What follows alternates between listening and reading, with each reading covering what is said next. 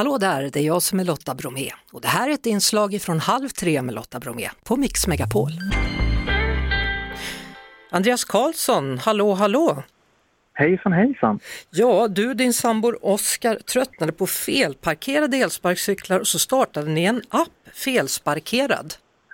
Precis, precis. Vi kände det eh, för drygt två år sedan. Så tröttnade vi på alla sparkcyklar som låg i hög i området där vi bodde och helt enkelt valde att starta en app för att man på ett enkelt sätt ska kunna rapportera de sparkcyklar som är felparkerade.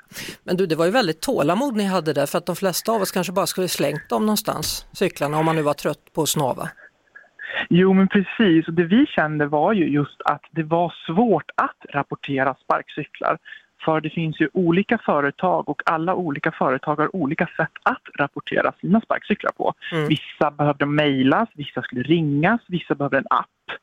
Och när vi märkte att vi knappt då ändå ganska digitalt mogna ungdomar, om jag får säga så, ja. klarade av det, då var vi lite fundersamma. Hur klarar de som kanske inte har den möjligheten av det? Och därför utvecklar vi den här appen.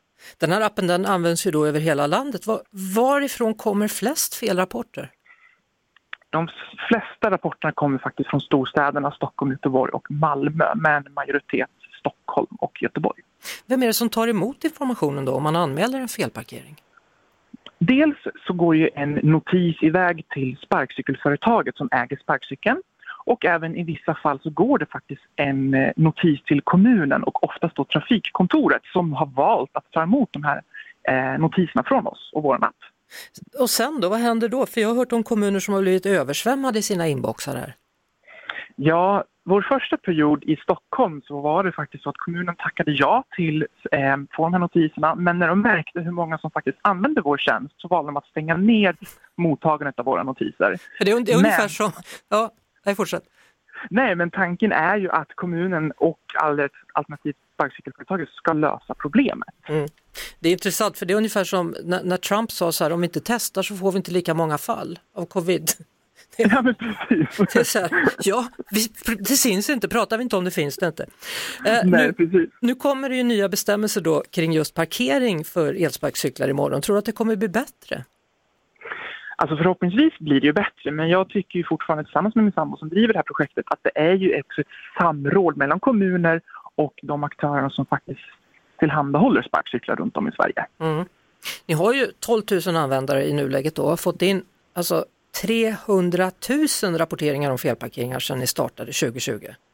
Precis, precis. Och vi, vi är ju på samma sätt väldigt glada över att kunna belysa problemet lite som vi precis sa med Stockholms stad varit lite förvånade när de insåg hur stort problemet var. Men mm. vi känner att det här är det sättet vi kan göra att faktiskt belysa problemet kring infrastrukturen och det som sker runt omkring sparkcyklarna. Man skulle ju kunna önska att användandet av er app skulle gå ner nu med nya regler, tror du det? Eh, både och. Det kan både stiga och, eh, och gå ner med tanke på att eh, nu även Polismyndigheten och kommunerna lättare kan flytta sparkcyklarna. Och då är det också spark sparkcykelföretagen som ska stå för kostnaden av flytten. Mm. Det gör att vissa kanske väljer att rapportera fler sparkcyklar. Du, samvetsfråga. Åker du någonsin ja. elsparkcykel själv? Ja, alltså tillbaka, jag vill också poängtera att jag och min sambo vi älskar fenomenet sparkcyklar och vi ser det en del av framtiden, mikromobilitet. Men man måste lösa infrastrukturen kring det för en säker och trygg eh, stad. Tack så mycket Andreas, hälsa sambon. Tack så mycket. Ja, hej så länge. Hej. Vi hörs såklart på Mix Megapol varje eftermiddag vid halv tre. Ett poddtips från Podplay. I fallen jag aldrig glömmer djupdyker Hasse Aro i arbetet bakom några av Sveriges mest uppseendeväckande brottsutredningar går vi in med hemlig telefonavlyssning och, och då upplever vi att vi får en total förändring av hans beteende. Vad är det som händer nu? Vem är det som läcker? Och så säger han att jag är kriminell, jag har varit kriminell i hela mitt liv men att mörda ett barn, där går min gräns. Nya säsongen av Fallen jag aldrig glömmer på Podplay.